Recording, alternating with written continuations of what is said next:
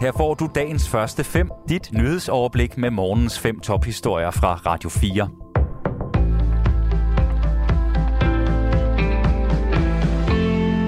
Det er fredag den 13. maj. Mit navn er Thomas Sand.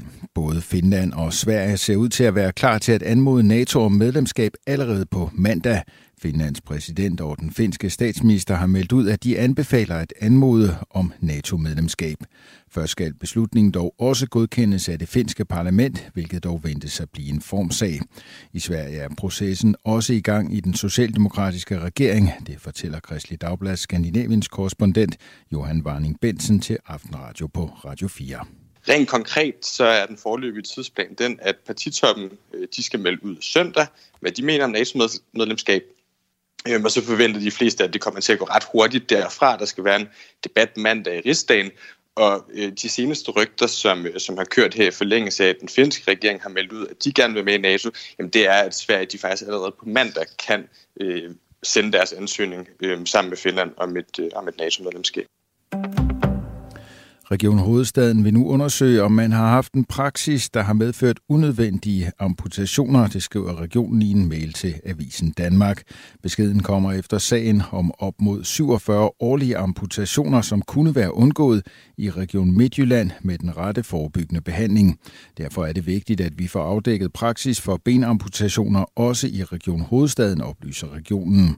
Det er vigtigt for os, at borgere i regionen skal kunne føle sig trygge ved, at vi giver dem den bedst mulige behandling behandling, skriver regionen. I går blev koncerndirektør i Region Midtjylland Ole Thomsen fyret. Han er blevet kritiseret for ikke at reagere på advarsler om regionens praksis. Allerede i 2019 advarede et tværfagligt specialeråd om, at antallet af amputationer lå for højt i Midtjylland. Det manglende kendskab til Claus Hjort Frederiksen sagens indhold har sat Folketinget i en højst usædvanlig situation. Derfor er det meget svært at spore om, hvorvidt der kan blive rejst tiltale mod den tidligere forsvarsminister. Sådan lyder det fra Sten Schaumburg Møller, der er professor i mediejura på Syddansk Universitet. I den her sag øh, er, der, er, er der tale om noget andet øh, en, hvad kan man sige, almindelig kriminalitet.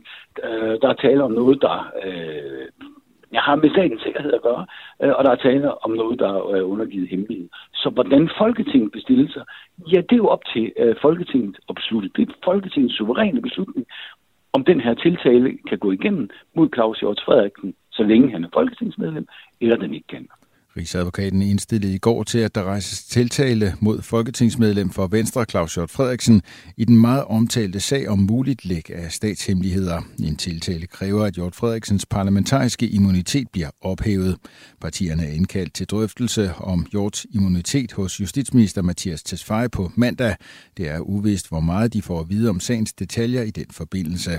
Claus Hjort Frederiksen er sigtet for at have overtrådt paragraf 109 i straffeloven om at røbe statshemmeligheder nyheder. Danmark bør undersøge sit ansvar for, at grønlandske piger og kvinder i 60'erne og 70'erne fik opsat spiraler uden samtykke. Det mener Grønlands Råd for Menneskerettigheder og Institut for Menneskerettigheder. Udtalelsen kommer efter, at DR har beskrevet, hvordan tusindvis af grønlandske piger og kvinder fik lagt spiraler op på initiativ fra danske myndigheder, som ønskede at begrænse befolkningstilvæksten. Hos mange kvinder skete det uden samtykke, skriver mediet. Nogle piger havde en alder ned til 13 år og fik både psykiske og fysiske men. Til det grønlandske medie KNR skriver sundhedsminister Magnus Heunicke i et svar. De grønlandske kvinders historier gør et stort indtryk på mig. DR's dækning fremstiller en dybt problematisk praksis på sundhedsområdet, som med nutidens øjne er komplet uforståelig. Derfor har jeg nu bedt ministeriet undersøge det nærmere. DR skriver, at der fra 1966 til 1970 blev der lagt 4.500 spiraler op i kvinder i Grønland. Der boede omkring 9.000 kvinder i den fødedygtige alder i Grønland på det tidspunkt ifølge mediet. Mindst en person med covid-19 er død i Nordkorea, mens et smitteudbrud spreder sig i det meget isolerede land. Det bekræfter nordkoreanske statsmedier. Det sker efter, at landet for nyligt for første gang bekræftede, at der overhovedet er smitte i det nordkoreanske samfund.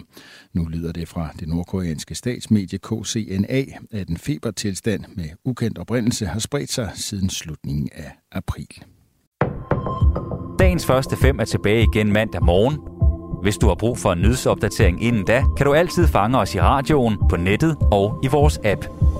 Vi høres ved til dagens første fem fra Radio 4.